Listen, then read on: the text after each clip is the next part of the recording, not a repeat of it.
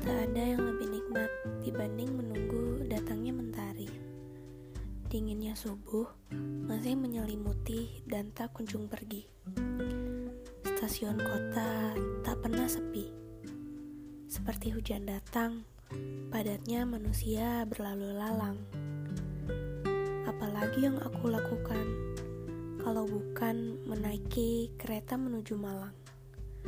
Berdiri di tempat penentu takdir, yaitu stasiun Kota Gambir.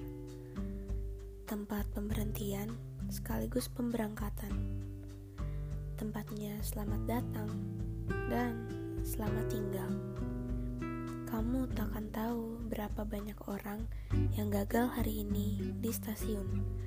Kamu juga takkan pernah tahu kebahagiaan apa yang mereka lalui dari stasiun. Stasiun penentu takdir. Dia nggak akan dapat kerja tanpa adanya stasiun. Dia takkan pernah bertemu anaknya tanpa adanya stasiun.